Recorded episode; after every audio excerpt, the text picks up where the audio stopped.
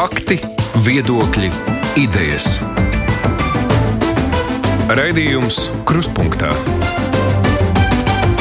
ar izpratni par būtisko. Aizsmeļamies Tamsānas studijā.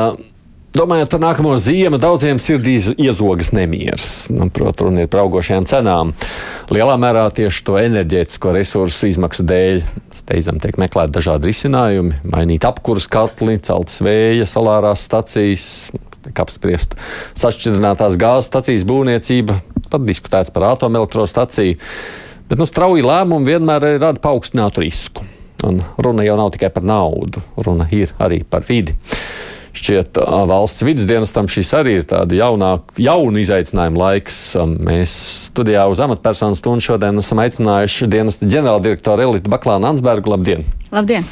Ceturtdienas mums ir žurnālistu un klausītāju dienas, nu, kad viņi ir tie, kas jautā. Šeit ar mums ir arī TVNet žurnālists Arturs Bikovs. Sveiks, Artur! Un Jānis Goldbergs no žurnāla dienas biznesa. Labdien! Nu, viņi mums visi ir attālināti uzreiz brīdim, tātad caur Zoom. Klausītāji savukārt savus jautājumus jūs sūtiet uh, mums uh, vislabāk caur mājaslapu. Es skatīšos, iespēju robežās, vai es varu pacelt ar klausuli, tālruņa klausuli, bet rakstiet mums ziņojumu uz raidījumu kruspunktā.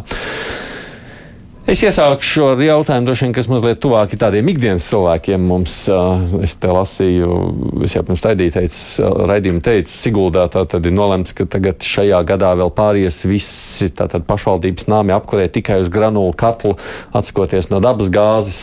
Tātad vispār līdz rudenim tiks daudz kur likt jauni apkurs katli, ko dara visā Latvijā. Tajā pašā laikā lasīju, ka jūs tajos apsakojumos, kādus jūs esat veikuši, apkurs katli izrādījušies, ir gan neefektīvi, gan vidi piesārņojoši. Es pareizi saprotu, ka tagad liekot tos katlus, ir tāds mm, pietiekoši liels risks, ka šie katli tiek mm, kā, nemākulīgi uzstādīti vai noregulēti. Tāds risks ir vienmēr. Nezinu, vai šis šobrīd ir pietiekoši liels risks, bet nu, apjoma palielinoties, protams, kvalitāte mēdz arī zust. Jā, un valsts vidas dienests pērn gada nogalē pirmoreiz kā pilotprojekta mm. ietvaros veicām šo katlu māju, jeb sadzināšanas iekārtu. Mēs tā saucam šos testēšanu, tieši šos te emisijas, jeb nu, dūmgāzes. Testējām, vai tas, kas izplūst gaisā, atbilst tiem normatīviem, nu, kas ir atļauti, kas ir ierakstīti Latvijas normatīvos un atbilst arī šīm Eiropas prasībām, kas, protams, ir gaisa piesārņojoši, bet tomēr ir nu, normas robežās, lai mēs teiktu, ka šāda apkura nekaitē cilvēku veselībai. Diemžēl tie mūsu atklājumi patiešām nepatīkami pārsteidz mūs pašus, jo pagājušajā gadā mēs izvēlējāmies testēt tieši tādas um, iekārtas un katlamājas, kas nu pat bija arī ar Eiropas naudām rekonstruēts, mm. un konstatējām trešdaļā no šīm iekārtām, ka ir tomēr pārsniegumi. Šogad jau tika izvēlētas um, tādas īpašas riska iekārtas, kas arī nav, iekā, nav uh, jaunas un par ko valsts vidas dienestam bija aizdoms, ka varētu būt šie pārsniegumi. Un arī tiešām divos trešdaļos gadījumu, nu, tad pētījums, ka nebija īpaši apjomīgs. 15 iekārtas pagaidām bija šogad testētas, bet 10 no tām uzrādīja šos te pārsniegumus. Bet tas iekārtas taču ir certificētas visas. Jā, jā normatīvs arī Latvijā nosaka 3 līdz 5 gadu intervālā veikt šo testēšanu. Nu, bet patiesībā iekārtām jau laikam pašām par sevi nav nevainas. Ir ļoti svarīgi noregulēt pareizi šo te degšanas temperatūru, kas vienlaikus nozīmē, ka siltums tiks saražots pēc iespējas efektīvāk un vienlaikus arī pēc iespējas mazāk piesārņots gaiss. Tā kā mm. šobrīd ar šo savu gaisa kvalitātes uh, mērījumu veikšanu mēs arī konstatējām, ka diemžēl tā kā tiek vien, taupīts uz noregulēšanu, netiek arī nu, paši iekārti šie operatori uzņēmumi neveic šo testēšanu pietiekami bieži. Viņi nemaz nezina, tā jau nav ļaunprātīga pār, pārkāpšana lielākā daļa no gadījumu. Vienkārši nav saņēmuši kvalitīvu pakalpojumu, nav paši veikuši šo pārbaudu testēšanu, un mēs maksājam nu, mazliet vairāk. Tie, protams, nav pa kārtu vairāk maksājumi. Mēs vairāk satrauktos šeit par vidas kvalitāti, bet vienlaikus nu, jā, te, teiksim, tāda saudzīga attieksme pret vidi vienmēr nozīmē arī lielāku efektivitāti. Nu, vienkārši, ja es esmu tā, pieņemsim, apsvērtu uzlikt kā tad, lai es kaut kā to kontrolēju, kā es varu zināt, man tas cilvēks, kas, vai tā firma, kas to dara, vispār māca, nemāca, pareizi dara, nepareizi dara. Nu, ja jūs runājat par savu privātu māju, tad nu, droši vien, ka tur jūs neko daudz nevarat Nevar kontrolēt, lai arī, protams, var veikt mērījumus, bet nu, privātu mājā mums nav tādas noteiktas prasības, nedz likt uh, dažādas filtrus un gaisa attīrīšanas iekārtas, kā tas ir jau lielākām iekārtām. Bet būtiski, ja, ja jūs domājat par savu privātu māju, bet tas attiec arī uz lielajām katlu mājām, gan tā tad veikt šo te ieregulēšanu, lai tie profesionāli meistari, uh, iespējams tad arī veikt šo te dūmgāzu testēšanu, kas parāda šo te kvalitāti ieregulēšanas, un vienlaikus vienmēr ir jāatcerās arī par šī te kurnāmā materiāla kvalitāti, par mitrumu, jo, ja malka vai granulas vai šķelda būs mitras un pakļauts tātad šim te lietus ietekmei, būs ļoti grūti sasniegt gan labu to siltuma atdevi, gan, protams, arī nebūs iespējams sasniegt šos nu, gaisa normatīvus izpildīt. Mm, tas gan jā. Labi, kolēģi, droši jautājiet, kas jums ir katram aktuāls. Kurš nopelnīs jums pirmais? Jā, droši. Jā. Jā, nu, es arī par tiem pašiem kurināmajiem, bet es par tādiem diviem mazliet alternatīviem, kas nav varbūt ikdienā kūdra, un otrs ir atkritumi. No kuriem varētu iegūt gan siltumu, gan elektrību. Visticamāk, vai ir bijuši kādi pieteikumi par šo kurināmo izmantošanu, kā jūs uz šiem kurināmiem raugot, raugāties nu, teiksim, no ietekmes uz vidi novērtējumu viedokļu un, un, un, un CO2 izmešiem, vai viņi varētu būt teiksim, šīs sezonas kāds no risinājumiem? Mm -hmm. Šie ir divi principiāli atšķirīgi mm. jautājumi.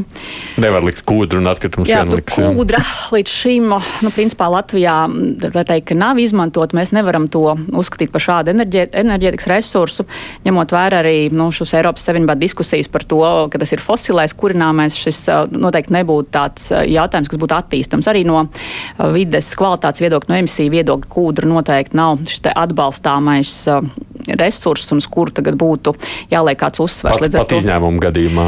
Nu, tā kā tāds saka, nu, karš, specifiska situācija. Nu, šis nav tāds uh, kurināmais, kuru var nu, izmantot vienu mēnesi. Principā tā visa infra infrastruktūra un uh, atļaujas, tas ir tas laikietilgs process. Līdz ar to kūdru, nu, kā kurināmo, droši vien nebūtu vērts tā nopietni apsvērt. Savukārt par atkritumu dedzināšanu no vidas viedokļa mēs skatāmies, tas, protams, nu, ir netik ļoti vēlams risinājums, bet nu, kā, kā labākais enerģijas iegūs veids, bet vienlaikus, ka ir jāsaprot, ka atkritumu apsaimniekošanā nu, ir, ir, ir, ir savi mēģi, savi risinājumi jautājumi, un patiesībā Latvijā rēķinot ar to, ka mums ir jāsasniedz mērķu uz apglabāšanas samazināšanu, šobrīd ar to situāciju, kādā mēs esam, kad iedzīvotāji nešķiro atkritumus, mums līdz ar to nav pietiekoši kvalitīvs materiāls, lai mēs runātu par uh, maksimāli iespējām tos pārstrādāt. Uh, pie tā, ka joprojām uh, arī par pārstrādi nerad nāks dārgi maksāt, uh, mēs neesam gatavi iespējams pat tik daudz maksāt un piemaksāt. Atkrituma dedzināšana ir nopietni apsverams jautājums gan kā enerģētisko problēmu risināšanā, gan vienlaikus, lai risinātu mūsu atkrituma apsaimniekošanas problēmas. Jo faktiski mēs, teiksim, valsts dienas nu, divus gadus esam tā nopietni pie, pieķērušies šai te, uh, atkritumu plūsmai, kas uh, paliek poligonos, un esam konstatējuši, ka mēs nereti mānam sevi, saucot tos par esmu, tehnisko kompostu, jeb kā bioloģiski noārdāmiem atkritumiem, kur patiesībā satur 30 līdz 60% šos atkritumus, kas nav bioloģiski, kas patiesībā ir sadedzināmi atkritumi, kurus nevar šobrīd atšķirot. Uh, tā, lai varētu tiešām nodot nu, pārstrādē. Un, teiksim tā, jā, vienīgais ceļš vai nu tiem ir palikt poligonā, un tomēr saukt lietas īstajos vārdos un teikt, ka mēs tos apglabājam, vai sadedzināšana. Līdz ar to šajā situācijā enerģētiskās krīzes teiksim, apstākļos atkrituma dedzināšana būtu viens no ļoti labiem risinājumiem. Vienīgi, ka būtu bijis labi, ja mēs tos lēmumus būtu pieņēmuši gadus desmit atpakaļ, jo šobrīd, protams, tas tuvākais projekts iespējams ir Ventspilī, kur nu, ir tādā iepirkuma stadijā vēl.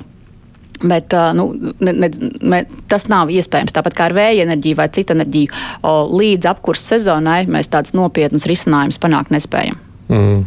Cik ilgs laiks vajadzīgs, lai kaut ko tādu varētu vispār no, no idejas līdz realizācijai īstenot?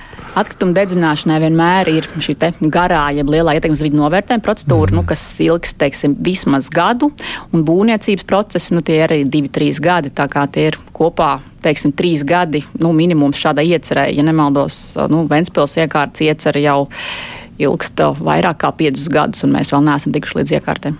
No, nu, tā kā jā. Turpiniet, Jānis, tu gribēji vēl ko? Nu, es mazliet par to kūdru, tā kā viņi raksturo kā neatjaunojumu, ja fosilo resursu kaut kam negribas piekrist. Es biju zinājis, nu, vismaz līdz šim, kad kūdra atjaunojas kaut kādā laika periodā. Nu, kāpēc tas Eiropas Savienībā tā, tā, tāds uzstādījums. Nu, jā, šī diskusija šobrīd ir aktuāla. Eiropas Savienībā es negribētu to komentēt. Tas nav tieši valsts vidas dienas jautājums, ar ko mēs nodarbojamies. Es vienīgi varu teikt, ka nu, kūdras ieguve, lai to izmantotu uh, lauksensībā augkopībā, nu, noteikti no vidas viedokļa ir atbalstām. Tā ir mums tradicionāla nodarbošanās, un no, vismaz tajos apmēros, kā tas ir bijis līdz šim, mēs ne, nesaskatām, ka tā ir kāda tāda būtiska negatīva ietekme uz uh, Latvijas uh, vidi, ainavu. Kā, uh, mēs noteikti būtu nu, atbalstoši, lai kūdras nozarei dod iespēju turpināt, bet uh, nu, palielināt būtiski apjomus, lai to izmantot kā nozīmīgu enerģētikas resursu. Tas noteikti gan arī mūs, ar mūsu vidas mērķiem, uh, dabas daudzveidības saglabāšanu nebūtu savietojums. Mm. Artur, Turpinot šo kudras tēmu, varam pavestīt Evinet kā rosinas likuma izmaiņas, kuras noteikts, ka visiem, kas vēlas nodarboties ar, piemēram, kudras ieguvi, būtu jāvēršas valsts dienestā, lai iegūtu licenci. Jūsuprāt, tas atvieglos vai gluži pretēji sarežģīs daragu izraktuņu ieguves paraudzību Latviju? Šobrīd kūdra, tāpat kā citi derīgie izrakteņi, ir licencējama jau nozare, un zemes dzīve iegūs licences ir jāsaņem arī jau līdz šim. Tā kā nekāds tāds būtisks izmaiņas procesos nu, mainīt, tas nav plānots. -hmm. Te klausītājiem Pēperkungs raksta šādi. Gribu uzzināt, vai ņemot vērā to globālo situāciju, tās vidas aizsardzības prasības tomēr nav jāatliek malā, lai izbūvētu valsts strateģiskos objektus, kā piemēram gāzes termināļi vai cita neatkarība nodrošinošas iekārtas un tehnoloģijas. Nav taču jēgas no vidas aizsardzības, ja nespēsim nodzīvot tik ilgi, lai to aizsargātu. Šobrīd nu, jautājumu uzdevējs ir nu, noteikti ļoti aktuāli uh, rosinājis šo jautājumu. Uh, gan Latvijā mums šeit šīs diskusijas ir, ir notikušas, un arī Eiropas komisijas ieteikumi jaunāko ir, ir uh, tādi, ka attiecībā uz šo atjaunīgo energoresursu izmantošanu un arī nepieciešamas infrastruktūras izbūvi ir jāpiemēro pēc iespējas atvieglotas procedūras, bet ar uzsvaru, ka tomēr ietekmas uz vidi ir jāvērtē. Jo Nu, iespējams, šie procesi ir bijuši pārāk ilgi, bet mums ir ļoti interesants atklāsmes bijis šobrīd ar nozari, runājot tieši par vēja enerģiju un no, domājot par to, kā jā, atvieglot kārtību. Tur jau nebūs vairs vajadzīga tā lielā ietekmes uz vidu novērtējuma kārtība. Faktiski nozara ir tā, kurā šobrīd aktīvi uzstāja, ka ietekmes uz vidu procedūra ir jāsaglabā to reformējot, un ir identificēti galvenie šķēršļi, kas caur šajā procedūrā bija, un tie nebūtu nav tie procesi, kas bija tieši vērtēt pašu ietekmu uz vidi, ietekmu uz biotopiem, uz sugām. Bet um, ietekmes vidi novērtējuma procedūrā būtisku līdz šim arī sastāvdaļu ir uh, ieņēmis sabiedrības viedokļu uzklausīšana, uh, pašvaldības viedokļu uzklausīšana un gala rezultātā uh, pašvaldības akcepts uh, konkrētajā vietā, konkrētā darbībā. Vai neakcepts biežāk? Vai neakcepts, jā. Un uh, ja arī sabiedrības viedokli uzklausot atbilstoši šai procedūrai, kāda ir izveidota, nu, tiek skaidrojumi sniegti, argumenti izvērtēti, tad tās emocijas, nepatika, neizsaka neizpratne, kas varbūt nav balstīta tādos faktos vai argumentos, nu, izpaužas pašvaldības lēmumā, pašvaldības politiķa lēmumā neakceptēt, ja neatļaut šo ieceri. Arī tajos gadījumos, kad varbūt sākotnēji ir bijis nu, kā, kā pozitīvs šis te, nu, norādes dots uzņēmējiem, ka varētu šeit attīstīt. Un, nu, šobrīd tas, ko es redzu šajā procesā, ir ļoti labi, ka mums tiek virzīts šis te, uh, jaunais likumprojekts, kas atvieglos gan uh, nu, arī vairāk šobrīd. Nu, Vēl ir diskusi, karstas diskusijas par, par to, vai tiešām ir jāpāriet uz sākotnēju ietekmes vidu novērtējumu. Bet uh, to, ka lēmumu pieņems ministrs kabinets, tā ir pareizā izvēle. Jo enerģētikas politika nu, ir jāizteno valstī līdz šim. Mēs plānošanas dokumentos esam ierakstījuši to, ka uh, vēja enerģijai ir jābūt būtiski jāpieaug mūsu mm. enerģētikas bil bilancē. Bet patiesībā šī politikas veidošana bija atstāta pašvaldību politiķu rokās. Un, nu, protams, pašvaldību politiķiem, lai arī iespējams, ka tie tā pragmatiski saprot, ka mums ir nepieciešama šī enerģija, šāda veida enerģija, tomēr pieņemt lēmumus, kad uh, nu, iedzīvotāji nav ieinteresēti un nav motivēti un neizprot šo nepieciešamību, ir bijis ļoti grūti. Līdz ar to šis process noteikti ir pareizs. Un Un, uh, pats ietekmes vidi vērtējums nav, nu, kā tiešām, kā mēs saprotam, šis dabas ekspertu darbs nav bijis lieks.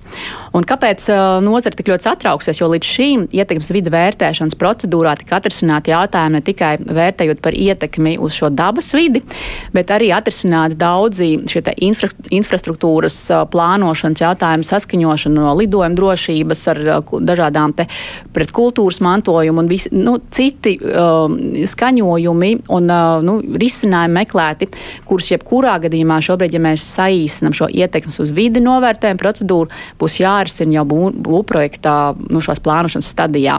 Līdz ar to, nu, nu, pārējot no tādas varbūt skaidras, zināmas procedūras uz jaunu procedūru, arī ir šī bāža nozarei. Un nozara arī izsaka ļoti liels satraukumu par to, ka nu, nebūs šī formalizētā sadarbība ar sabiedrību, ar iedzīvotājiem. Līdz ar to nu, tā reputācija nu, būs šai vēja enerģijai vēl sliktāka, jā, ka sabiedrībai pat nebūs iespēja nu, tikt uzklausītai un saņemt tik daudz skaidrojumus. Tā kā redzēsim, saima vēl lems. Šobrīd droši vien karstas diskusijas ir sagaidāmas. Priekšlikuma iesniegšanas termiņš ir 27. jūnijas, un jūlijā es domāju, ka mēs ieraudzīsim nu, jau to jauno procesu. Bet tā kā mēs darījām līdz šim, turpināt patiešām nevar, un mēs kā vides institūcija pārstāvi arī saprotam, tas process bija nu, tāds lēns un mokošs, un ja ir izdarīts liels darbs un tiešām novērtēts, ka šī ietekme nav un varētu vēja parku būvēt, tad tas politiskais lēmums pašvaldības līmenī nu, ir, ir bijis, diemžēl, jā, diezgan skaudrs uzņēmējiem. Un, nu, mm -hmm. ir, ir kaut kas mums jāmaina. Jā, jā Artur. Aidi, jā, man būs jautājums turpinot par, to, par tiem nosacījumiem, par vidas ietekmi. Uh, man ir tāds jautājums, precīzāk sakot, uh, VVD ir jāparaugā, vai tiek ievēroti visi nosacījumi, kas ir saistīti ar iesniegtajām licencēm. Un kā tieši notiek tā uh, paraudzīšana, un kādi mehānismi ir uh, īstenoti, ja tiek atklāti kaut kādi pārkāpumi. Es saprotu, jūs jautājums ir par zemes dzīvi ieguvi. Tajā skaitā, bet uh, ar vēju, uh, ar, ar vēja enerģētiku tas arī ir saistīts, ja es pareizi saprotu. Respektīvi, atverot vēja pārku, visai noteikti ir nepieciešams ievērot nosacījumus, tā skaita, kas ir attiecāms uz vides aizsardzību. Un, ja šie nosacījumi tiks pārkāpti, Eh, respektīvi, ir interesanti uzzināt, eh, kā tie pārkāpumi tiek atklāti un kas tiek darīts, lai tos pārkāpumus novērstu un, respektīvi, sodītu eh, uzņēmējus. Mm -hmm. Jā, jums ir ļoti labs jautājums. Tad, jo, attiecībā uz vēja parkiem es sāku, tad ir interesantākais arī jums un klausītājiem. Faktiski Latvijā šobrīd nav noteikti neviena institūcija, kas uzraudzītu esošos vēja parkus, kā tie darbojas. Valsts vidas dienests uzrauga šīs piesārņošanas darbības un zemes dzīļu iegūs licences, principā tos uzņēmumus, kuriem ir kādas atļaujas vai licences izsniegts. Vēja parkiem, tas nav, netiek uzskatīts par kādu dabas resursu, nekādas licences, kā tas ir kūdras ieguvējiem vai dolomītā smilts grāns ieguvējiem, netiek izsniegtas. Tā ir tāda viena no problemātikām, ko mēs esam arī norādījuši Vides aizsardzības un reģionālās attīstības ministrijai. Tas joprojām netiek risināts arī jaunajā likumā. A, tur kaut ko var, lai tā saprastu, kā normāls klausītājs, nu, labi uzstādīja, izvērtēja, drīkst uzstādīt, bet, nu, kad jau darbojas, ko tur vēl var samaitāt? Uh, šobrīd uh, ietekmes uz vidu novērtējuma rezultātā parasti tiek secināts, vai ir nepieciešams izvirzīt kādas specializētas prasības. Ir noteikti prasības attiecībā uz šo mirgošanu, kādā režīmā, nu, mm. lai, lai būtu ievroči lidojuma drošība, mm. ir, ir jāmirgo šim te vēja elektrostacijām, un vēl nereti ir tiek izvirzīti nosacījumi monitorēt ietekmi uz putnu sugām, ar to monitorēt, vai putni iet vai neiet bojā, un ja tiek konstatēts kādas kādas ietekmes, kas ir lielākas nekā sākotnēji prognozēts, tad ir tādi korektīvie pasākumi. Pieņemsim, vēja turbīna apturēšana noteiktās diennakts stundās vai noteiktos nu, gada periodos, kad, piemēram, notiek putnu migrācija. Un šobrīd nevienai no institūcijām, nevienā no normatīviem nav uzdota šī kontrole. Valsts vidas dienesta loma Tas, kā tas ir procesā līdz šim, ir tikai līdz vēja, eh, vēja elektrostaciju uzbūvēšanai. Arī pēc jaunā šī procesa ir paredzēts, ka valsts vidas dienas izdod tehniskos noteikumus. Un tad pie pieņemšanas eksploatācijā mēs arī vērtējam, vai tehniskajos noteikumos izvirzītās prasības, tas skaitā uz mirgošanu, uz turbīnu augstumiem, ja ir kādi aizsardzības pasākumi, lai nu, atbaidītu putnus vai kā citādi, tad tas tiktu vērtēts. Vai darbības laikā tas tiks, tiks ievērots. Šobrīd nu, nevienai no iestādēm tādu uzdevumu nav. Mēs redzam, ka attiecībā uz putniem un putnu monitoringu noteikti tiešām visprofesionālākā iestāde tur būtu dabas aizsardzības pārvalde, kur būtu jāvērtē, ja vēja enerģija ieņems nozīmīgu vietu mūsu enerģētiskajā bilancē, ainavā, tad noteikti mēs nevaram to atstāt bez ievērības. Bet jā, šobrīd principā vēja enerģijai nav regulējuma. Gan mēs kā valsts vidas dienas, arī citas vidas institūcijas ir norādījuši par to, ka būtu nepieciešams skaidri šie nu, ministrs kabineta izdot noteikumi par to, kā ir jādarbojās šīm te uh, stacijām, uh, kādas atskaits un pārskati ir jādod, lai arī nu, sabiedrība varētu būt droša, ka šī kontrola tiek īstenot. Mm -hmm. Jā, jā, Bet, vai es varu paturpināt, ja, tad vai ir kaut kāda uzraudzības mehānismi attiecība uz um, LNG termināliem potenciāliem? Ja? Un tas ir pirmais, un otrais, vai potenciālu ietekmi uz vīdi valsts vidas dienas ir analizējis, ja tiek būvētas LNG termināli Latvijā? Jā, savukārt šie termināli noteikti būs kā piesārņojošās darbības objekti, kā arī mums ir nu, tāds īpašs regulējums, kas ir šie paaugstinātie rūpniecisko avāriju riska objekti, kurus uzrauga valsts dienesta vadīta starp institūciju komisija. Regulāri nu, ikgadējas drošības pārbaudas veidzot, tur cieši ir gan valsts ugunsdzēsības glābšanas dienests iesaistīts, gan arī patērētājas aizsardzības centrs, darba inspekcija. Mēs kopīgi uzraugam šādus paaugstinātu riska objektus. Un uz šiem tad, nu, ir skaidri uzraudzības mehānismi. Šādiem te, uh, LNG termināļiem ir nepieciešama nu, tāda sarežģīta ietekmes vidu novērtējuma procedūra. Attiecībā uz skultas terminālu šī procedūra ir uzsākta, tā vēl nav pabeigta, bet principā nu, no vidas viedokļa teiksim, tādi galvenie izvērtējumi ir veikti. Tur varbūt vairāk ir tādi tādi, nu, teiksim, jau jāpieņem gan pašam uzņēmējam vai uzņēmējiem, kas vēl, vēlas attīstīt šie lēmumi par tiešām tālāk projekta virzību un arī nu, šie politiskie lēmumi par to, kas tiek mm. atbalstīts. Arī attiecībā uz alternatīviem risinājumiem, kas mums ir Rīgas ostā, ir, ir jau šobrīd ir veikts sākotnējs ietekmes vidu novērtējums un pat ir izdot tehniskie noteikumi tādiem ļoti maza apjomā sašķinātās gāzes piegādēm, bet nu, tur mēs nevaram runāt par tādu nopietnu termināli. Tas ir ar, ar piegādi līdz ostai un transportēšanu ar kravas automašīnām. Tālāk arī šādas procedūras ir vērtētas un principā ir saskaņots attiecībā uz tādu nu, nopietnu terminālu Rīgas ostā. Tur ietekmes vidi procedūras būs, ja, ja tāda lēmuma tiktu pieņemta, uzsākt šo vērtējumu, gan ilgs un sarežģīts jo ne tik daudz kā ietekme tur uz dabas vidi ir, bet uz šie te, nu, drošības apsvērumi, jo, kā mēs zinām, Rīgas ostā jau mums ir tagad vairāki šie te paaugstināts bīstamības objekti, kas ir šie rūpniecisko avāriju risku iespējamība, un šāds objekts nu, būtiski paaugstinātu šos te avāriju riskus rī, Rīgas brīvostā. Līdz ar to te būtu tāds no drošības apsvērumu vairāk vērtējami apstākļi, ne tik daudz kā no ietekmes. Ar to varēs pēc tam turpināt, lai arī klausītāji tiek pie kādiem jautājumiem jautājumiem. Es vienkārši skatos, ka, ka, ko visi ļaudis šeit šajā brīdī raksta. Nu, mazliet kaut kur uz to pašu skatoties, Pēters savukārt saka tā, ka Eiropā un pasaulē pieaug interesi par mazām un jaunās tehnoloģijās balstītām atomelektrostacijām. Tā nerada CO2 izmešas, arī nav ģeo, rada tā, tā, tā neatkarība no Krievijas viedokļa. Skatoties aktuāls jautājums, vai jūs esat domājuši par publiska atbalsta izteikšanu, domājot par atomelektrostaciju Latvijā? Mm. Šitie mazie mod, o, reaktori ir, ir mazliet ciešana cita tēma nekā atomelektrostacija, lai arī, protams, darbojas pēc ļoti līdzīgiem principiem. Valsts vidas dienestā ir radiācijas drošības centrs, un uh, mūsu radiācijas drošības spe centra speciālisti kopīgi ar ekonomikas ministriju ir iesaistījušies projektā arī uh, kopīgi gan ar Igaunijas kolēģiem, gan uh, nu, ar pētot Eiropas praksi un iespējas Latvijā attīstīt šādu te veida reaktorus.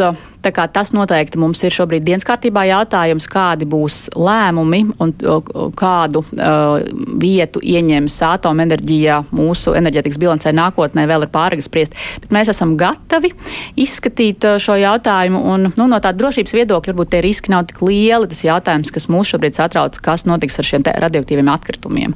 Un, jo Latvijā nav tādas radioaktīvu atkritumu glabātos, lai mēs šo izmantoto kodola enerģiju varētu apglabāt, un pie tiem mūsu apjomiem noteikti tādu nav arī liederīgi būvēt. Līdz ar to, ja tiktu kopīgi, nu, teiksim, arī Eiropas līmenī tādas vienošanās panāks, ka valsts, kuras piegādā šo kodola enerģiju, arī šos radītos atkritumus um, uh, savāc. savāc. Ar to uh, šis būtu tiešām nu, tāds nopietni apsverams jautājums. Nu, jā, gan atomenerģija, gan šobrīd Eiropā ļoti aktuāli arī jautājums par ūdeņraža dažādām tehnoloģijām, kas varētu veidot nopietnu, nu, nu, ieņemt nopietnu lomu enerģētikā. Bet nu, pagaidām Latvijā tie, tie ir, ir, ir, ir interesi uzņēmumiem, mm. bet tādi reāli projekti šobrīd nav. Es gribu, lai Jānis arī tiek pie jautāšanas. Man. Jā, es gribēju pajautāt, ja jau ir domāts par kodolspēkstaciju, tad uh, līdzībās runājot ar vēja parkiem, kad bija problēmas, kur viņus izvietot un meklēt cilvēku, tad jums ir priekšstats, kurā vietā tādu kodolspēkstaciju varētu uzbūvēt. Mhm. Nē, man nav priekšstats, un es, es gribu vēl, vēl teikt, tas ir tā gana pāragri. Mēs zinām, ka gan lielie valsts uzņēmumi interesējas par šo, droši vien šos jautājumus būtu vairāk jāvaicā ekonomikas ministrijai, mm. mūsu enerģētikas uzņēmumiem. Valsts vidas dienests, lai arī ieņem nozīmīgu lomu šādos procesos, vērtējot ietekmi uz vidi, tomēr nu, jā, neattīst šādus projektus un nelēmj. Šeit no tāda nu, drošības viedokļa tā ir noteikti ļoti daudz potenciāls vietas. Jautājums ir par šo sabiedrības attieksmi un nu, spēju pieņemt šo, bet jā, es domāju, tur ir stipri pāragri, jo mums nu, nav pat noformulētas tādas skaidras vīzijas par to, ka mēs varētu, varētu šeit Latvijā būvēt no. Nu, šādus reaktorus. Es arī saprotu, tas atkrituma noglabāšanas jautājums ir tas viens no aktuālākajiem jautājumiem Latvijā. To laikam tiešām nav īsti iespējas tādā ziņā izdarīt. Turbūt jāskatās kaut vai Skandināvu, Somijas virzienā, kuriem laikam ģeoloģija ļauj vairāk kaut ko tādu darīt. Bet nu, tas ir sadarbības projekts starp dažādām valstīm. Vienlaikus es gribu teikt, ka es, droši, es pat justos daudz drošāk, ja tāds reaktors būtu mūsu valstī, ko mēs kontrolētu, nekā tas ir Baltkrievijā pie Lietuvas pierobežām. Jo mm. tas ir valsts, kur, kurš atrodas sal, salīdzinoši, lai arī nu, mēs neesam tādā kritiskajā ietekmes zonā, bet tomēr tā, tādā valstī, ar kuru mums nav tik laba šobrīd sadarbība. Līdz ar to uh, jā, šeit vajag skatīties tā mierīgi. Es tikai atgādināšu klausītājiem, mums tātad valsts vidas dienas ģenerāla direktora Elita Vaklānāns Berga šeit studijā un arī no žurnālistiem iztaujā At Arturs Bikos no TV, Netiņāns Goldbergs no dienas biznesa. Raidījums Krustpunktā. Artur, tu tur raujas laikā priekšā, tad turpini. Jā, jā, man interesē, ja mēs sākam runāt par kodolenerģētiku, varbūt tas īpaši neatiecas uz Latviju, bet savā ziņā arī attiecas. Um, kāda konteksta? Konteksts, protams, runa ir par drošību un situāciju Ukrainā. Ko es ar to domāju? Uh, Ukraina ir vairāk kārt paudusi bāžas par to, ko dara Krievija netālu no um, kodolstācijām tur, Ukrainā, respektīvi, uh, tik līdz Krievija izdarīs kaut ko tādu ļoti nopietnu un sliktu, tas potenciāli draudētu uh, Eiropas drošībai, tā skaitā Latvijai, protams, vai kaut kas tiek darīts no VVD puses, lai, šo, lai šīs. Uh, mm, lai, lai to bīstamības līmeni mazinātu, vai tiek veikta kaut kāda kooperācija ar Ukraiņas kolēģiem, vai notiek kaut kāda sarunas, palīdzība un tā tālāk.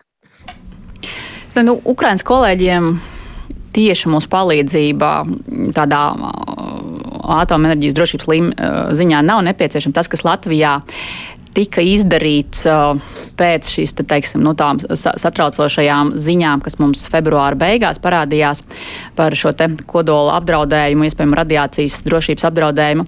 Mēs esam vēlreiz pārskatījuši savu gatavību, un tas nav tikai valsts vidas dienas radiācijas drošības centrs, bet uh, sadarbībā ar uh, nu, teiksim, ļoti daudzām iesaistītām institūcijām par veselības aizsardzību un, un, un, un citām jomām pārtiks drošību. Šos te mehānismus par uh, rīcību iespējamos tādās avārijas situācijās. Bet es vēlreiz gribu uzsvērt, Ukrainas atomelektrostacijas ir salīdzinoši tālu no Latvijas. Līdz ar to tāda nopietna radiācijas drošības apdraudējuma arī tad, ja notiktu kāds incidents Ukrainā, Latvijai nav. Protams, tas nenozīmē, ka mēs neesam šobrīd vēl joprojām paaugstinātas gatavības nu, tādā statusā. Bet es, es kā minēju, Baltkrievijas atomelektrostacija tā ir salīdzinoši tuvu, kur avārijas gadījumā mums būtu patiešām nu, nopietnāki pasākumi un aizsardzības pasākumi jāveic un drošības pasākumi attiecībā uz Ukrainu. Protams, izpildoties visnelabvēlīgākajiem nosacījumiem milzīgai uh, avārijai tur ar uh, vēja virzienu nu, un noteiktu spēku un ātrumu tieši Latvijas virzienā mēs sajustu radiācijas uh, ietekmi, bet tā nebūtu nu, tāda, ka kas tiešām nu, ra radītu no, nopietnu apdraudējumu cilvēku veselībai. Mums būtu jāmonitorē mūsu teiksim, ūdens, šis te, ūdenī, virszemes ūdeņos radiācijas līmenis, iespējams pārtiks drošība, jāskatās, vai nav kāda radiācija uzkrājusies. Bet mēs nu, šeit noteikti nevaram tādā ziņā par to satraukties. Bet, nu, jā, mēs šeit patiešo ar Ukrainu nesadarbojamies. Ar Ukrainu sadarbojas Startautiskā atomenerģijas aģentūra. Un, gan nu, visā pasaulē, arī Eiropas tīklā mums ir nu, tāda cie, cieša informācijas apmaiņa un ir šie ziņošanas un brīdinājuma sistēmas, kas darbojas. Nu, mēs darbotos caur šo kopīgo Eiropas un starptautiskām sistēmām un saņemtu informāciju. Mm. Klausītāji viedokļu jautājumos skatoties atkal iekšā, nu, ļoti praktisks Andrim jautājums. Augot apkurss cenām, cilvēki jau šobrīd un vēl vairāk droši vien nākotnē malks un atbilstoši kurnāmā vietā sāks izmantot dažādu neatbilstošu kurnāmo. Tur mēbeles, saplākšanas, plastikātiem pārklāta koksni, kurām pilns miskas daudz dzīvokļu nama pagalmos, un līdz ar to tā vidas un gaisa piesārņojuma situācija pasliktināsies. Kā jūs plānojat to kontrolēt, jo tajos primātu māju, māju rajonos līdz šim ir pilnīgs haoss, un tur vidas inspektori neko nav spējīgi tā risināt. Saku to no pieredzes. Nav jau nekāda soda vai pierādījuma, kas objekts kāds apsekot, viņas pat iekšā nelaiž mājās, kā to varētu risināt.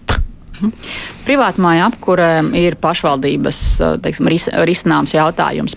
Ja jūs kādā brīdī konstatējat, ka to dara kaimiņi vai nav šī kārtība, jums noteikti ir, nu, attiecīgi, kā pašvaldībā tiek risināti šie jautājumi, bet principā jāziņo pašvaldībā, vai tā ir pašvaldības policija, vai tā ir cita pašvaldības nozīmēta institūcija, kas nodarbojas ar šiem jautājumiem.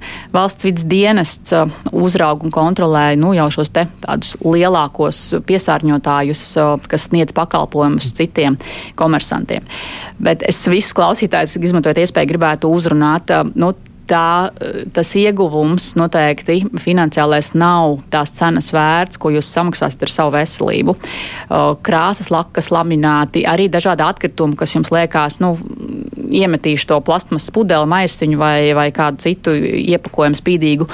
Tā pirmkārt gan bojā arī jūsu krāsni, un iespējams, ka var, var tās dzīves ilgumu samazināt, bet šīs vielas, kas nepietiekoši sadagot, iznāk pa jūsu skursteni pie tādiem laika apstākļiem, kas ir vienlaikus lietus migli, tās nosēž turpat jūs vai kaimiņu dārziņā.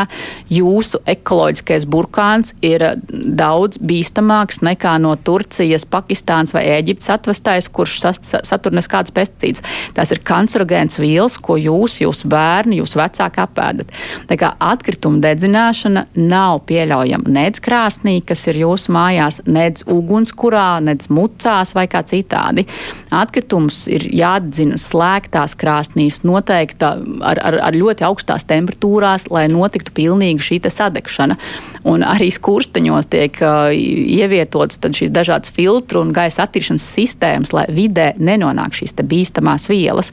Atkritums dedzinot šie pēc tam filtri ir kā bīstamie atkritumi un nav vienkārši nekur arī apglabājami. Tā, to, protams, ir grūti pieņemt. Mēs paudžu paudzēs esam tā dzīvojuši, ka nu, tādā aprits ekonomikā vai nu izmantojam vēlreiz, vai ja nedara atzinam, vai kaut kur aprokam. Bet tie bija citi laiki. Mums nebija tādas plastmasas, tādas ķīmiskas vielas, nu, kas šobrīd ir iepakojumā un nu, ko mēs nesam mājās no veikala. Līdz ar to es visu pauģu klausītājus tiešām gribētu aicināt noticēt vidas speciālistiem, veselības speciālistiem par to, ka šīs ir tās kancerogēnās, bīstamās ķīmiskās vielas, kas ļoti nopietni bojā jūsu veselību. Tās uzkrājas augstnē, vidē un daudzus gadus pēc tam arī no nu, atstāja šo ietekmi. Mm. Jāni. Jā, nu man ir jautājums jau par konkrētu uzņēmumu, proti, bijušo Liepājas metālurgu, kas jau gadu ir pārdots uh, Turcijas uzņēmumam Maslāni Metalģija. Un uh, viņu izpildītājs Liepājas stila mēģina atjaunot darbību. Uh, tur ir tāda tā kā rīvēšanās arī ar Liepājas sēzi, bet uh, tas viens no galvenajiem jautājumiem ir, vai viņiem atbilstoši valsts vidas dienesta tiem datiem ir, viņi var strādāt vai nevar strādāt, un vai viņi ir prasījuši kaut kādus novērtējumus, vai viņiem vispār ir jāprasa. Un, uh, tas ir viens no tādiem būtiskiem klupšanas akmeņiem, kāpēc šis līgums starp Liepājas laikam nav īsti noslēgti. Un, uh, man ir jautājums, vai viņi ir nākuši, prasījuši, vai viņiem tas vispār jādara. Mm -hmm jā, tādam uzņēmumam kā metālurģijas uzņēmums ir jāsaņem piesārņošanas darbības atļauja. Tā kā iepriekš Liepājas metālurgam ir šāda atļauja bijusi izsniegta, jaunajam īpašniekam ir tiesības un iespējas pārģistrēt šo atļauju. Bet ņemot vērā, ka šī uzņēmuma darbība ir bijusi apturēta un faktiski tie apstākļi ir mainījušies, mēs vienkārši nevaram pārģistrēt nu, uzņēmumu nosaukumu tikai. Liepājas stila ir vērsies valsts vidas dienestā jau nevienu reizi vien. Mēs esam šobrīd teiksim, noraidījuši šo pārģistrāciju, bet uh, tikai vienīgi tāpēc, ka uzņēmums nav sagatavojis kārtīgu schēmu, plānu, procesu aprakstu par to, kā šī piesārņošana darbība tiks veikta.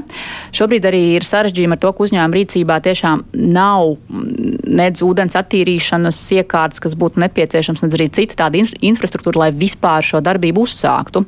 Uzņēmumam arī ir uzdots veikt nu, no jauna jau šo emisiju aprēķinu šiem jaunajiem procesiem, kā uzņēmums tur iecerējis par ietekmi uz gaisa kvalitāti, lai to vērtētu Kā uzņēmumam ir vēl ļoti, ļoti, ļoti daudz darbs jāizdara, lai vispār spētu aprakstīt un paskaidrot, kā uzņēmums domā strādāt.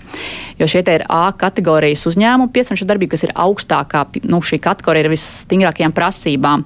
Un tās nav tikai Latvijas vai valsts vidas dienas izdomātas prasības, tās ir vienotas Eiropā, nu, šādi apstiprināti labākie tehniskie paņēmieni, kas ir jāievēro ir jāatzīst, ka uh, Liepājas metālurgs, kas šobrīd ir kā maksātnespējīgais uzņēmums, pirms tam nebija ieviesis šos te paņēmienus un principā nedarbojās atbilstoši tiem standartiem, kādiem, uh, kā, nu, kādi ir Eiropas un Latvijas, uh, kopš Latvija ir Eiropas Savienībā standarti.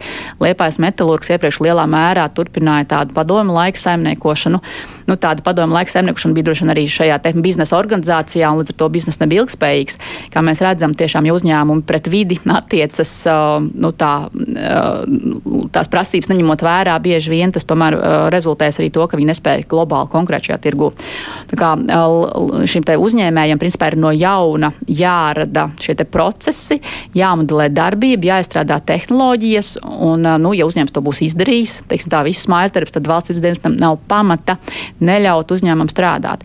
Bet, nu, vēl mēs redzam, ka ir gan tāls ceļš ejams. Papildus vēl ir šie šķēršļi, ka uzņēmums nevarēs atsākt darbību, pirms nebūs izvesti dažādi bīstami atkritumi, kas tur joprojām ir teritorijā, kurus nu, uzņēmējs sākotnēji nākot pie mums teica, nu, mēs to darīsim pakāpeniski, bet nu, tādas iespējas nebūs. Mums ir jāredz, jāredz ka ir uh, līgumu un ir, ir ceļi, kā šos bīstamos filtru putekļus uh, izvest no Latvijas, kas nav izdarīts pēdējos darbības gadus, kopš Liepājas metālurgs uh, nu, teiksim, cīnījās ar finanšu problēmām. Tā kā uh, no vidas viedokļa mums nu, teorētiski darbība ir iespējams atļa, atjaunot, bet uh, uz solījumiem uh, noteikti nedz Latvijas sabiedrība, nedz Liepāja, nedz arī valsts vidas dienests uh, paļausies. Mm, no, jā. Labi, Artur. Man ir jautājums, um, kas ir nedaudz, bija, nu, jūs minējat par uh, veselību, tas ir kaut kas, kas bija pirms Jaņa uzdot, uh, uzdot jautājuma. Uh, man ir tāds jautājums, vai jums ir kaut kādi aprēķini par to, cik milzīgs ir bijis kaitējums tīri, ja mēs varam tā teikt, naudas ziņā. Cik milzīgs bija kaitējums no sliktas vīdes Latvijas iedzīvotājiem, lai cilvēkiem būtu skaidrs, cik daudz naudas valsts ir zaudējusi tā iemesla pēc, ka cilvēkiem ir slikta veselība, sliktas vidas rezultātā. Mm. Mm. Latvijā tāda aprēķina netiek veikti. Uh, bet Eiropas vidas aģentūra ik gadu apkopo uh, teiksim, tā, vides kvalitātes informāciju. un rēķina arī šos te uh, sliktās gaisa kvalitātes ietekmu uz ekonomiku. Ja nemaldos, tad uh, Latvijā tie bija ap 1300. Jāapstāsta cipari nav, nav, nav galvā. Uh, Nē, sam, samalošos 1930 šie priekšlaicīgs nāves gadījumi, kuru cēlonis ir saistīts ar šo gaisa piesārņojumu. Tie ir tie pēdējie dati no Eiropas vidas aģentūras. Um, ir dažādi pētījumi, kas arī pēc tam mēģina monetizēt šos te.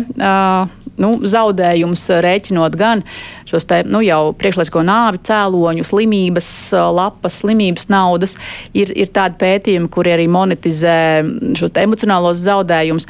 Um, ja nemaldos, es biju tieši gatavoties runāt par liepājas metālurga darbības iespējamu atjaunošanu, skatījusies datus, kad tie bija, bet es laikam ne, varbūt nesaukšu tos ciparus, ap 80 miljoniem pēc viena no tādiem pētījumiem liepājā vien zaudējumi gadā iekšzemes koproduktam, bet tas bija saistīts arī ar šiem emocionāliem zaudējumiem. Tā kā ir dažādi, dažādi pētījumi, dažādas metodas, bet tie ir noteikti vairāki desmiti miljonu latu Latvijā, ko mēs nu, eiro, nu, eiro. eiro, kurus mēs Latvijā zaudējam tieši saistībā ar šīm slimības lapu apmaksām, ar, tām te, nu, ar, ar, ar darbu, kas netiek veikts arī slimības laikā un šim te dzīves ilgumu samazināšanos, un ka nu, šis darbs arī, jā, tas darbspēks mums nestrādā, kas nes, nesaražo šo te iekšzemes koproduktu. Tā kā monetizēti aprēķini ir, nu, tie ir tādi vairāk pēt, pētnieki, jā, bet 1930 uh, ir šis te uh, priekšlaicīgo nāvju skaits gadā, kura cēlonis varētu būt šī te, uh, sliktā gaisa kvalitāte. Mm.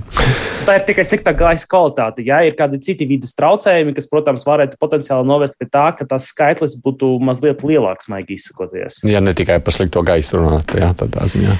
Nu, protams, par slikto gaisu, ja mēs runājam, arī kā minēju, nu, ir gaisa kvalitāte kā tāda, bet tālāk šis te, nu, no gaisa piesārņojums jau pārnesās arī uz augstni, un tas noteikti arī ir jāņem vērā šī pārtikas mm. kvalitāte. Līdz ar to šis ir tas, par ko es runāju. Ko mēs bieži vien to neredzamo piesārņojumu nenovērtējam, un nu, jā, līdz ar to ir ļoti grūti mainīt šo sabiedrības izpratni par to, ko darīt ar atkritumiem, kāpēc tos uh, nededzināt. Ja, kā mēs saslimstam, mēs jau minam tikai, kāpēc mēs esam saslimuši, un varbūt kāpēc kāds no mūsiem ir nomiris tuviniekiem, jo mēs nezinām, jau tieši to ķēdīt neredzam. Jūs te pieminējāt savukārt, te jau iesāk Jānis runāt par atsevišķiem uzņēmumiem. Es savukārt gribu pajautāt par tiem, kas publiskajā telpā jau te parādījās kopš kara sākuma, un tiem sankcionētiem uzņēmumiem, minerālmēs glabātājiem, amoniaku glabātājiem. Kā tā situācija šobrīd tur ir ostās? Mhm. Latvijā bija identificēti divi tādi uzņēmumi, kuri ir pakļauti sankcijām un kas ir šie rūpniecisko avāriju risku uzņēmumu mm. sarakstā. Viens bija Ventamoņģis, ar kuru mēs nu, sākām šo darbu un uh, panācām uh, atļauju izvest krāvas drošības apsvērumu dēļ. Joprojām uzņēmum, uzņēmumā nu, ir uzsākta, bet turpināsies pat līdz gada beigām nu, šī uzņēmuma darbī, darbības tāda apturēšana, jeb termināla iekonservēšana jo izvedot krāvas ir palikuši šie te tehnoloģiskie atlikumi sašķirināta amoniaka, kas, protams, arī ir bīstami, bet tā kā tas apjoms ir salīdzinoši niecīgs, tad mēs nevaram runāt par kaut kādu nu, milzīgu rūpniecisku avāriju risku vairs Ventspils pilsētā. Bet uh, kamēr mums nu, neiezīmējās šī risinājums, ka sankcijas varētu tikt noņemtas vai uzņēmums kaut kā varētu atrisināt šo situāciju, valsts vidas dienests uzstāja uz to, ka kamēr uzņēmumam ir pieejams finanses, nu, ir jāpaveic šis darbs, lai iekonservētu termināļus, un tas nebūtu nekādā veidā nu, neradītu riskus. Jo šeit jā, finanšu pieejamība nu, ir tas bīstamības faktors šajā ziņā. Mums tiešām nācās strādāt ar tādiem jauniem, pavisam jautājumiem. Un šobrīd nu, notiek šis process saistībā ar Rīga fertilizer terminālu, kas arī ir šis te SVSO, jeb rūpniecisko avāriju riska objekts. Šeit mēs nebijām tik steidzīgi, jo nu, atšķirīgas ir šīs vielas un to bīstamību un avāriju risku iespējamību, ja uzņēmumam rastos kādas finanšu grūtības. Bet tā kā te ir gan šis te, uh, amonija nitrāts, gan stabilizēts, gan arī vienkārši tiek uzglabāts, tad līdz 30. jūnijam ir uzdots izvest šīs bīstamākās krāvas un pārējos minerālu mēslus uh, līdz uh, vasaras beigām, lai nu, nepieļautu arī kaut kāds nākotnē, ka attīstīto šīs drošības situācijas. Nu, mēs visi atceramies Libānas stāstu un negribētu, ka kaut kas tik dramatisks kādreiz notiek mūsos. Tā, Jā, ne? jūs pareizi pieminējāt, šis amonija nitrāts ir tieši šī viela, kas bija uh, Beirūtā izraisīta izraisīja šo uh, milzīgo katastrofu. Tur gan arī jāsaka, arī tas bija ilgstoši uzglabāts un, protams, bija zaudējis arī tās savas īpašības, nu, kļuvis bīstamāks. Tāpēc mēs, novērtējot šos riskus, ne, nevaram pieļaut, ka mēs Latvijā paaugstinātu bīstamību un nonāktu līdz tādai situācijai, ka šī viela kļūst bīstama gan pārkrošanai, gan varētu kādi incidenti rasties. To mēs šeit redzam tādu nu, labu ļoti sadarbību ar Finanšu kapitāla tirgus komisiju un ārlietu ministriju. Jautājumi tiek risināti, bet bieži vien sabiedrība arī un žurnālisti vaicā nu man, uz kurien kravas tiks aizvests, kam tiks pārdots valsts vidas dienests un neviena arī cita valsts institūcija neorganizē šos darījumus. Šos darījumus organizē paši uzņēmēji, un nu, gan valsts vidas dienests ir pieņēmis lēmumus, izjot no drošības, nosakot, ka kravas ir jāizved, un pamatojoties uz šo valsts vidas dienas lēmumu, tad uh, uzņēmums organizē darījumus, uh, vienojas ar bankām, bankas saņem šos finanšu kapitāla tirgus komisijas atzinumus, arī valsts ieņem dienests savas kompetences ietvaros, kā muita vērtē šos te izvešanu ostām ir sava loma. Nu, process ir gana sarežģīts, bet nu, laikam tās sankciju mērķis tāds arī bija, ka uzņēmumiem ir jārada sarežģījumi, lai iespējams kādas rīcības tiktu mainītas. Jāni. Pirko? Gribēju pajautāt vēl par, uh, ja mēs runājam par vēja parkiem un to uzraudzību, tad kā ir ar tiem saules parkiem, jo to izvēršana arī mums nav diezko veiksmīga, ja paskatās salīdzinoši ar Lietuvu un Igauniju, kur tad ir tas uh, klupšanas akmens, jo tur putni laikam, ka nevar iesprūst un it kā viss izskatās tik vienkārši. Tas arī ir pašvaldību pusē, tas uh, akmentiņš, jeb tomēr ir kaut kāds uh, vidas novērtējums, kas viņiem liedz tā strauji plesties, ja, ja jautājums vienkārši par finansēm. Nav, vai, tur, vai tur ir vidas faktors arī vai nav šajā? Šobrīd uh, vidas faktors līdz šim noteikti nav bijis čērslis. Uh, nu, mums nav tādi bijuši uh, hektāriem saules parka attīstīti, līdz ar to tas pat uh, no vidas, vidas svērtēšanas viedokļa nav bijis aktuāls jautājums. Un faktiski saules paneļu uzstādīšana tādos nelielos apmēros pat nav arī būvniecības process. Un, līdz ar to nu, tās procesi ir pavisam vienkārši. Nu, droši vien jautājums ir vairāk jāuzdod mūsu sadales tīklu operatoram par to, kā, kā, kā, kā notiek šī enerģijas nodošana infrastruktūrā. Un, um, iespējams, nu, tas ir vairāk saistīts ar šiem te, uh, dažādiem te, uh, iespēju pārvadīt elektroenerģiju un nu, veidot šo kopēju kopējo infrastruktūru. Vides jautājums tas nav tik aktuāls. Lai gan, protams, noteikti, ja attīstoties un esot tādām nu, lielām iecerēm, varētu parādīties, jo, nu, ja mēs um, aizņemam kādas pļavas, kur ir kādi īpaši biotopi, mikroliegumi, tas, protams, var traucēt šo te darbību. Un šajā gadījumā, ja šāda parka tika attīstīta kādās īpaši aizskrējāmas dabas teritorijās, tad gan noteikti tiktu vērtēta šī ietekme. Bet saules uh, paneļu jā, nu, uzstādīšanai ir gana vēl lielas iespējas. Uh, arī dažādas, uh, noteikti varētu skatīties mūsu veco vēsturisko izgāstuvi virzienā un vēl kur, mm -hmm. kur teritorijas principā ir gana degradēts. Tāpat zemes dzīļu iegūs vietas, iespējams, izstrādātās kūdras purvi un kur būtu nu, tādas degradētas teritorijas, ja, kuras, kuras ir nu, iespējams arī šādi būt izmantot, ir potenciāls ir gan liels. Tādreiz par to mazliet no šāda aspekta no Rīgas viens klausītājs prasa, kā viešņi komentētu par akumulātoru ražošanu Rīgas brīvostā, cik negatīvi tas ietekmē, tiks ietekmēta apkaimes ekoloģija. Nu, akumulātoru ražošana, tāpat kā jebkura cita ražošana, protams, var atstāt kādu ietekmi, bet uh, šajā gadījumā bažām nevajadzētu būt. Jebkura ražošana, kas tiek atļauta, tiek ļoti rūpīgi izvērtēta un uh, nu, dažādas šīs ietekmi uh, samazinošās procedūras nu, tiek paredzētas. Tā kā šeit nekādas tādas būtiskas emisijas mm. vai nu, ne, ne, nevajadzētu rasties, kas varētu būt uh, vairāk jūtams kā teiksim, to pašu naftas produktu pārkrošanas termināla darbība. Nu, vēl no klausītāja puses saskars prasa šādi. Cik bīstams ir šīfers, kas pirms 25 gadiem sabērts vecās sausā tolīdz bedre un aprakts? Cik redzot aktuāls jautājums. Nu, šīfers uh, ir bīstams. Uh, bīstams šis šīfers malkās daļiņas. Vairāk uh, šīfers ir bīstams ar to, nu, tā, tā tieši, ja mēs redzam to sadrupināt vai uh, izbērtu uz kādiem ceļiem, liekas atjaunot ceļu, tad tas patiešām ikdienā ļoti nopietni apdraud. Savukārt, nu, tāda šīfera aprakšana nozīmē tomēr, ka jebkurš materiāls tas lēnām sadalās un uh, un nu, daļiņas ar, ar, ar ūdens cirkulāciju arī tālāk nonāk, nonāk tālāk vidē. Nu, tas nekas nav pilnīgi statisks. Līdz ar to šīfers ilgstoši tādi aprakts bez nu, noteikts izolācijas, noteikti tuvējā apkārtnē ietekmēs šos te augstas kvalitāti un šīs asbesta daļiņas, nu, tad iespējams būs atrodamas arī kaut kur augos pēc gadiem vai kur citur. Tā kā šīfera aprakšana nav pareizais risinājums. Tas ir kā bīstamais atkritums, kurš daudzu gadu laikā sadaloties atstās nu, ietekmi jā, uz nā, nākamo pauģu dzīves kvalitāti un ietekmēs. Tas ir tas, kā neredzamais piesārņojums, droši vien izraisīs slimības, kuras mēs jau šodien pazīstam, un varbūt tādas, kuras mēs vēl nepazīstam.